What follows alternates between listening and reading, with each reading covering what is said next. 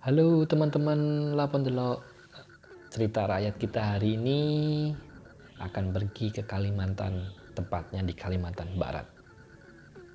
Yuk kita mulai. Asal mulai Sungai Landak dari Kalimantan Barat. Di sebuah desa tinggallah sepasang suami istri. Setiap hari mereka bekerja sebagai petani palawija.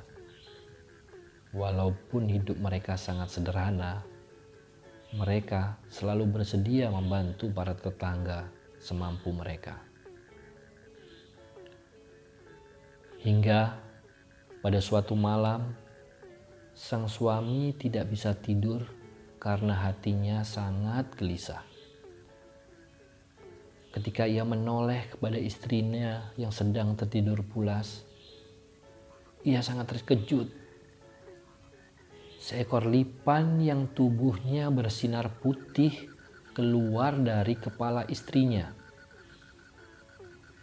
Lipan itu merayap turun dan keluar dari rumah.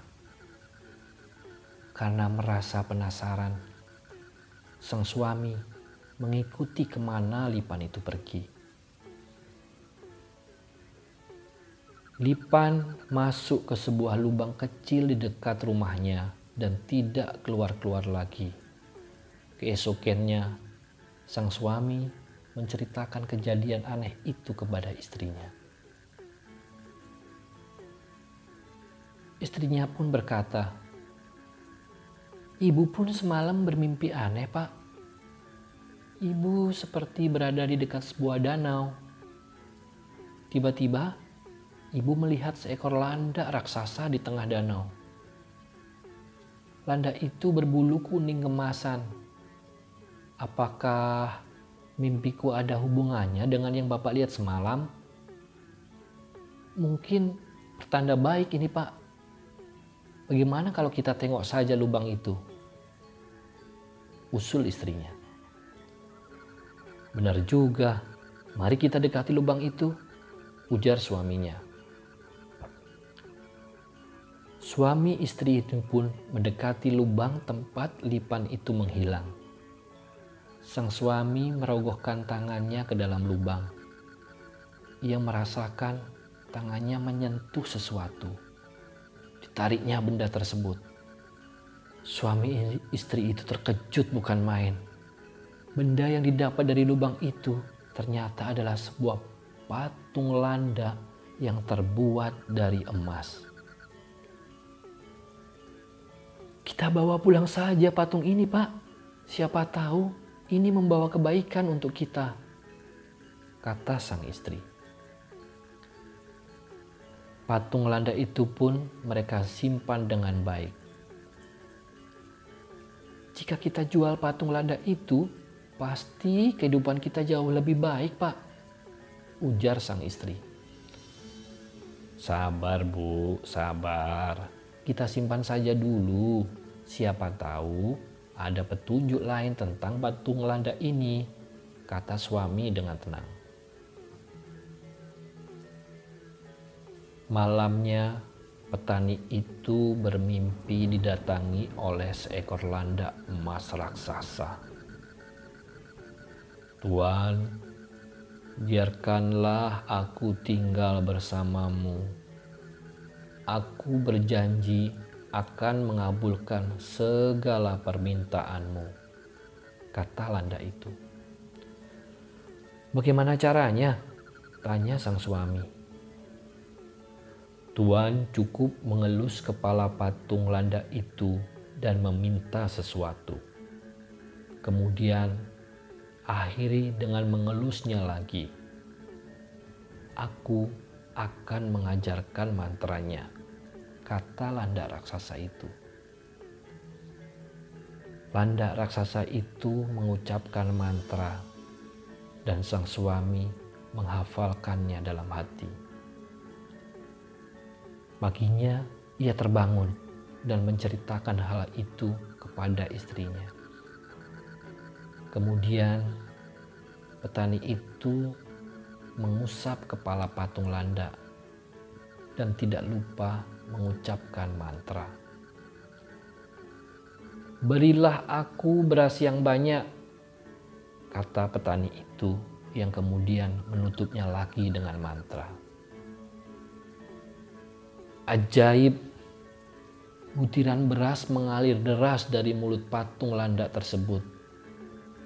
Kemudian petani tersebut mengulangi membaca mantra, kemudian meminta perhiasan dan kebutuhan pokok.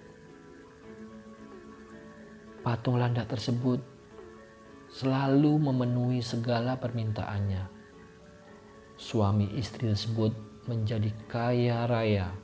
Mereka berbagi kepada semua tetangganya sehingga kehidupan kampung itu menjadi lebih baik. Kekayaan si petani memancing seorang perampok untuk datang mengintai. Akhirnya, perampok itu mengetahui dari mana datangnya kekayaan tersebut ia berhasil mengintip si petani mengelus patung landa emas itu dan membaca mantra. Malam harinya, perampok itu berhasil mencuri patung landak tersebut dan membawanya ke desanya yang bernama Desa Ngabang. Desa Ngabang sedang dilanda kekeringan bahkan untuk kebutuhan air yang pokok saja sudah tidak ada. Perampok tadi dengan bangganya mengumpulkan warga.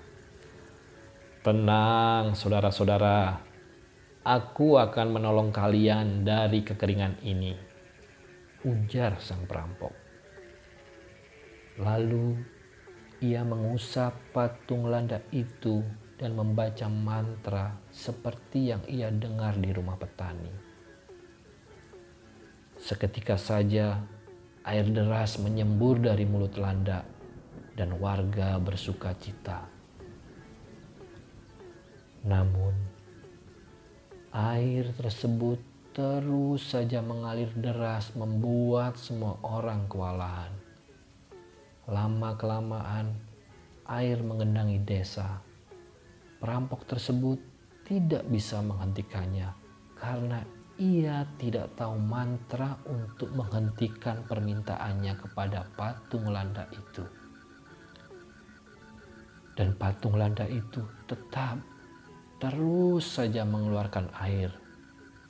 Hingga akhirnya desa Ngabang tenggelam dan tidak bisa lagi menampung air. Sehingga mengalirlah air keluar desa yang kemudian menjadi sebuah sungai besar.